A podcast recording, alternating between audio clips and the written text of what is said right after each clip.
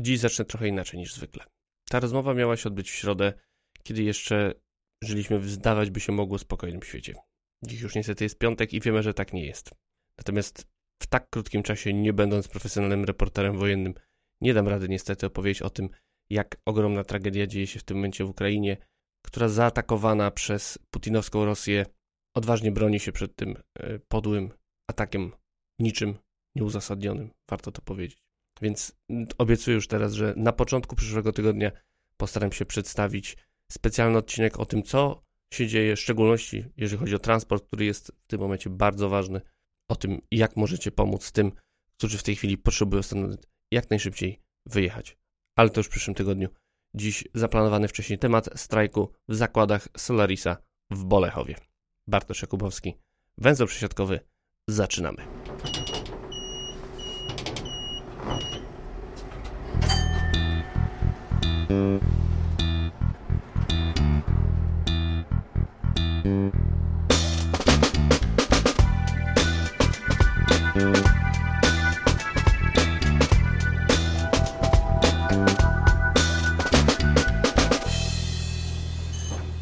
Jest już ze mną Wojciech Jasiński, przewodniczący Międzyzakładowej Organizacji Związkowej OPZZ Konfederacja Pracy w zakładach Solarisa.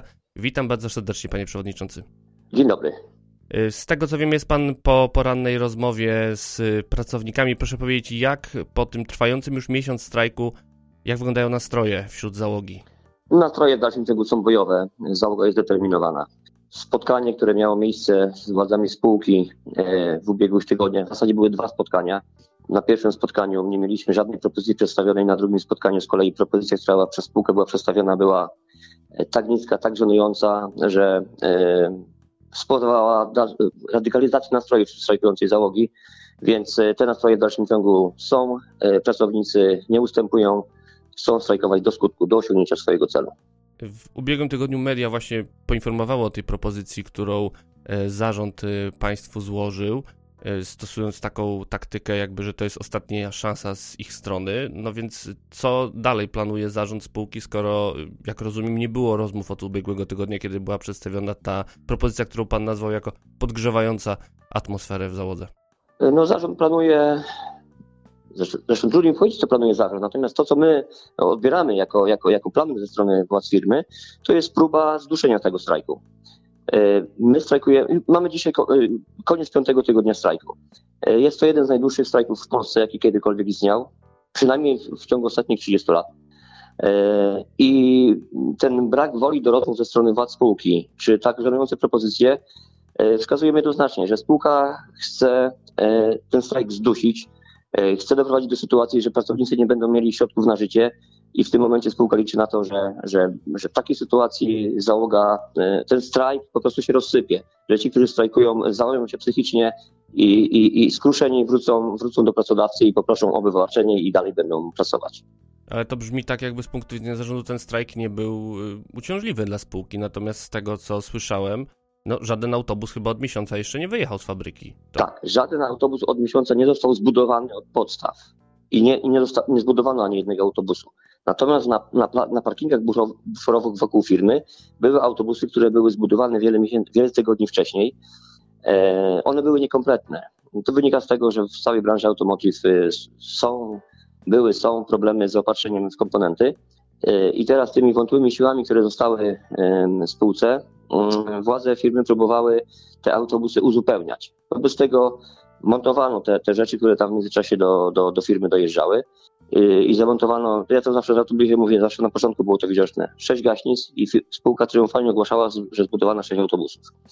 Więc ten zasób w tej chwili już w firmie się kończy. E, te autobusy, które są w tej chwili na placu, jeszcze została ich pewna ilość, one już w tej chwili mm, nie, na, nie nadają się do, do e, dalszego toku produkcji, dlatego że inaczej nie nadają się do wysyłki, dlatego że to, co zostało w nich zamontowane, daje jakiś tam procent wykonania tego autobusu, natomiast one są niekompletne, dlatego klienci tych autobusów przyjmować nie będą. I tych autobusów e, została jeszcze pewna ilość, e, ale w międzyczasie na głównych halach produkcyjnych nie zbudowano żadnego nowego pojazdu. Więc w tym momencie te zasoby, te możliwości firmy się, się kurczą i my to widzimy. Dlatego jesteśmy przekonani, że ten nasz sukces jest już blisko E, jest to tylko kwestia czasu. My wiemy jedną rzecz, że musimy być wytrwali i strajkować o jeden dzień dłużej niż zaplanował to sobie zarząd. Musimy być o jeden dzień lepsi i bardziej odporni psychicznie od, od władz spółki. Ten strajk generuje dla spółki ogromne koszty finansowe. Jeżeli punktem odniesienia będzie dla nas wynik za 2020 rok, bo za 2021 spółka nam nie przedstawiła wyniku finansowego, więc mając na uwadze wynik finansowy za 2020 rok, e, mając na uwadze liczbę dni roboczych, jakie są w roku, to już dzisiaj obliczamy, że na, na koniec dzisiejszego dnia spółka będzie miała 325 milionów strat w przychodach i blisko 11, strat, 11 milionów strat czystego zysku netto. Wystarczy zyski czy przychody z 2020 roku policzyć, podzielić przez 250 dni roboczych, potem pomnożyć przez 25 dni strajku i wychodzą nam takie kwoty. To jest, to jest e, dosyć prosta kalkulacja, natomiast e, e, tak obserwując to, czy, czy przeliczając to, co żeśmy wykonali w 2021 roku, ilość aut, które zostały wyprodukowane, całe, całe zróżnicowane portfolio, gdzie mieliśmy bardzo dużą liczbę autobusów elektrycznych, które są, są, są no, droższymi niż, niż, niż diesle, to wiemy, że te przychody i zyski spółki w 2021 roku powinny być jeszcze lepsze niż w roku 2020. A więc tak naprawdę z kolei bazując na, na, na wynikach z 2021 roku, które wkrótce być może będą ogłoszone, podejrzewam, że nie prędzej niż po zakończeniu strajku, to te straty będą jeszcze większe. Spółka Solaris nie, przy, nie przyznaje się do tego. E, są wysyłane komunikaty do wcześniej publiczną, że, że wszystko jest ok, że oni na wszystkim panują, ale to jest no, taka typowa strategia dezinformacji. No, należy uspokajać klientów, należy uspokajać poddostawców, którzy też mają problemy, ponieważ e, Solaris nie odbiera, nie odbiera w tej chwili już, już e, części, ponieważ magazyny są zapełnione niektórymi komponentami, więc w firmach kooperujących już są przestoje, już pracownicy są wysyłani na urlopy. Trzeba uspokajać inwestorów w Hiszpanii, e, inwestorów, e, którzy inwestują swoje pieniądze w akcje grupy CAF. Więc stąd taka dezinformacja. My natomiast jesteśmy tutaj w środku i wiemy, jak to od środka wygląda jesteśmy przekonani, że to, ten nasz sojusz jest blisko. Musimy wytrwać tylko o jeden dzień dłużej niż władze firmy. To spróbujmy uporządkować, żeby słuchacze wiedzieli, o jakiej skali mówimy. Ile mniej więcej autobusów powinno przez te ostatnie 25 dni wyjechać z Solarisa, które nie wyjechało, kompletnych? Spróbujmy mniej więcej oszacować, ile to średnia, powinno być. Średnia, średnia e, dzienna produkcja to jest 7 do 8 aut. Więc teraz razy 25 dni roboczych to mamy 140-175 aut. W tym czasie powinno wyjechać. Powinno zostać zbudowanych, a nie wyjechało, nie wyjechało żadne. No to jest skala, którą tak naprawdę odbiorcy powinni bardzo szybko zauważyć i zwrócić jakąś uwagę, natomiast jak być zupełnie nie widać od strony klientów jakiegoś takiego zainteresowania strajkiem, zajęcia E, pozycji, zajęcia stanowiska? Macie Państwo wiadomość od jakiegoś samorządu albo od jakiegoś przewoźnika autobusowego, który by się wypowiedział w tej sprawie? E, wie Pan co, e, powiem tak, my takich informacji nie posiadamy. Jeżeli dochodzi do jakichś rozmów, jeżeli dochodzi do jakichś pism ze strony, ze strony klientów, to na pewno nie będą one kierowane do nas, tylko raczej do władz spółki, bo wszystko leży w rękach władz firmy Solaris. To władze firmy mogą zakończyć ten strajk. E, siadając z nami do stołu rozmów i przedkładając nam sensowną propozycję. E, to spółka e, dysponuje zasobami finansowymi, to spółka ma wszelkie możliwości, żeby ten strajk zakończyć właśnie w taki sposób, że przedkłada się pracownikom taką propozycję, która będzie ich zadowalała i która spowoduje, że będą chcieli do tej pracy wrócić. Jeżeli, jeżeli z kolei tej woli nie ma po stronie e, władz firmy, to znaczy, że e, prawdopodobnie dochodzi w tym wypadku do działania na szkodę spółki. Bo jeżeli mamy milionowe straty, e, a jednocześnie tych rozmów się nie podejmuje, to ktoś po prostu w tym momencie jest kompletnie nieodpowiedzialny. To zarząd firmy odpowiada za działanie całego przedsiębiorstwa. Pracownicy są tutaj pracownikami najemnymi, którzy wykonują odpowiednią pracę za odpowiednie pieniądze. My jako społeczeństwo jesteśmy biednym społeczeństwem na tle krajów Unii Europejskiej, pomimo tego, że, od, że w tej Unii jesteśmy od 2004 roku. Polscy pracownicy należą do najtańszych pracowników w Europie, pomimo tego, że jesteśmy powszechnie uważani za, jed, za jednych z najlepszych pracowników, o ile nie najlepszymi pracownikami w Unii Europejskiej. Więc y, myśmy się stali takim zagłębiem, zagłębiem, zagłębiem taniej siły roboczej y, i władze choćby tutaj w przypadku firmy Solaris, uważają, że taki stan rzeczy powinien pozostać, bo to jest korzystne dla biznesu. pracownik jest kosztem, a te koszty się nie ogranicza. Jeżeli jest tylko możliwość przycięcia tych kosztów, bądź nie, nie, nie podnoszenia tych kosztów, to się z tych możliwości korzysta. Każda próba y, zwiększenia wynagrodzenia pracowników, którą zgłaszają y, związki zawodowe działające w imieniu załogi, y, jest odbierana przez firmę jako, jako próba zwiększenia kosztów, bo my jesteśmy kosztem. Dlatego jest taki opór przed podnoszeniem tych płac. Ale w krajach Europy Zachodniej pracownicy mają wyższe pensje, wyższe wynagrodzenia, kilkakrotnie większe niż w Polsce. I to nie wynika tylko z dobrej woli przedsiębiorców, ale właśnie takimi akcjami jak Tarsolarisie, poprzez strajki, poprzez protesty, te wysokie pensje sobie wypracowano.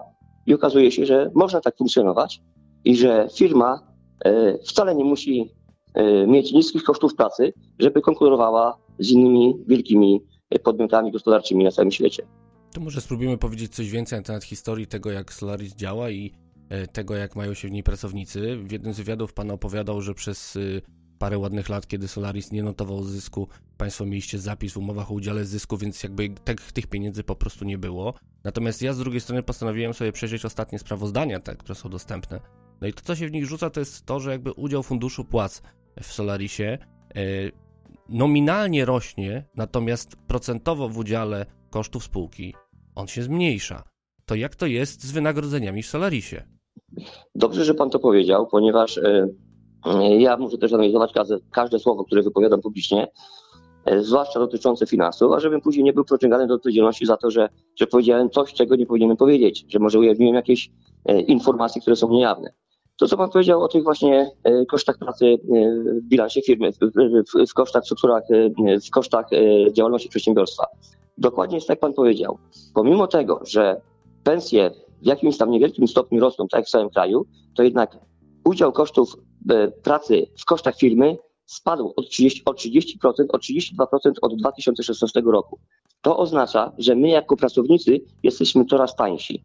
Wynika to z prostej rzeczy. Wynagrodzenia wzrosły o 19%, natomiast e, przychody firmy, a w ślad za nimi podążające koszty, wzrosły o 90%. Więc e, ten udział procentowy, on jest bardzo, bardzo widoczny, bardzo czytelny. E, co do właśnie tego udziału w zyskach firmy, wyglądało to w ten sposób, że w 2016 roku, w czasie naszych pierwszych negocjacji płacowych, Spółka zaproponowała właśnie nam udział w zyskach poprzez premię od wysokości wskaźnika EBIT. E, to oznaczało, że jeżeli firma będzie generowała e, wysoki zysk operacyjny, wówczas będziemy mieli od tego odpowiednią premię. To był właśnie taki okres, kiedy spółka notowała bardzo, bardzo niskie zyski. Rentowność e, w tym skrajnym przypadku wynosiła bodajże 30%. Myśmy się na to przestali, wiedząc, że w najbliższym roku, czy może w kolejnym roku nie dostaniemy tej premii. Myśmy zgodzili się na to. No i ta sytuacja trwała przez 4 czy 5 lat. E, I w 2021 roku, w ubiegłym roku, po raz pierwszy nam tą premię wypłacono, ponieważ rok 2020 okazał się wyjątkowo dobry, pomimo tego, że była pandemia. Wszystkie wskaźniki gwałtownie wystrzeliły w górę. Znaczy generalnie to wychodzi, wystrzeli w górę wskaźnik e, wykazujący zysk netto, ponieważ sprzedaż Y, ilość aut wyprodukowanych w firmie, jak również obroty systematycznie rosły z roku na rok. To jest, to jest widoczne na wielu wykresach. Y, I po raz pierwszy nam tą, tą premię wypłacono. I co się okazuje? Kiedy pół roku później przystąpiliśmy do negocjacji płacowych, zarząd spółki zaproponował, żeby ten, ten, tą premię od wskaźnika EBIT zlikwidować. Powiedziano nam, że no, nie wiadomo, czy ta premia w przyszłości będzie, bo to raz te zyski są, raz ich nie ma, że dla nas będzie korzystniejsze, jeżeli my sobie część tej premii E, wliczymy e, w podstawę wynagrodzenia zasadniczego, a już zarząd bierze w tym, w tym momencie na siebie ryzyko wypłacenia tego, bo, bo, bo to jest zawsze jakieś ryzyko. Bo tutaj, no, jeśli ten składnik jest w wynagrodzeniu zasadniczym, to wtedy firma musi to wypłacić. Natomiast jeśli, jeśli zysków nie ma, to ta premia raz jest, raz, raz jej nie będzie. Myśmy się na to nie zgodzili, z tego względu, że ten e, wskaźnik w maksymalnym wymiarze daje nam e, przy pełnym przepracowanym roku, czy inaczej przy pełnym e, roku zatrudnienia, daje premię w wysokości ponad 1,5 tysiąca brutto na jednego pracownika. E, to jest około, to jest 130 zł miesięcznie. Natomiast spółka w zamian zaproponowała nam 60 zł miesięcznie do podstawy wynagrodzenia. Nie chcemy się na to zgodzić, ponieważ wiemy o tym, że europejskie miasta będą wymieniały tabor autobusowy na tabor niskoemisyjny. My produkujemy świetne autobusy elektryczne. E, wodorowe w tej chwili e, wchodzą do sprzedaży. Jest z nimi duże zainteresowanie. E, trolejbusy, autobusy gazowe. Więc, więc my mamy w swojej ofercie właśnie autobusy z, z napędami alternatywnymi, które będą w najbliższym czasie kupywane przez europejskie miasta. Więc liczymy, że to najbliższe lata mogą być dla Solarisa tłustymi latami. I spodziewamy się, że ta premia od, od, od, od wskaźnika EBIT będzie nam wypłacana. E, więc tutaj po prostu wyczuliśmy takie nieszczere intencje ze strony władz spółki, która prawdopodobnie no, wykonując swoje analizy i snując plany na, na najbliższe lata, no, no stwierdziła, że, że być może ta premia będzie ich zbyt dużo kosztowała. To można przy okazji e, negocjacji płacowych w jakiś sposób tutaj wprowadzić trochę w błąd tą stronę społeczną i pracowników i tej premii się pozbyć, żeby ona nie obciążała budżetu, a jednocześnie pokaże się proszę o to, żeśmy dali wam dodatkową, dodatkową podwyżkę. Więc po prostu, tak reasumując, chciano dać nam coś, co już mamy i przedstawić to światu, że to jest dodatkowa oferta. Dużo mówimy o pieniądzach. Y, mówił Pan też o jakości produktów Solarisa. Myślę, że każdy, kto jechał autobusem, który y, Pan i Pana koleżanki i koledzy składali, z pewnością tą jakość zna, ja również.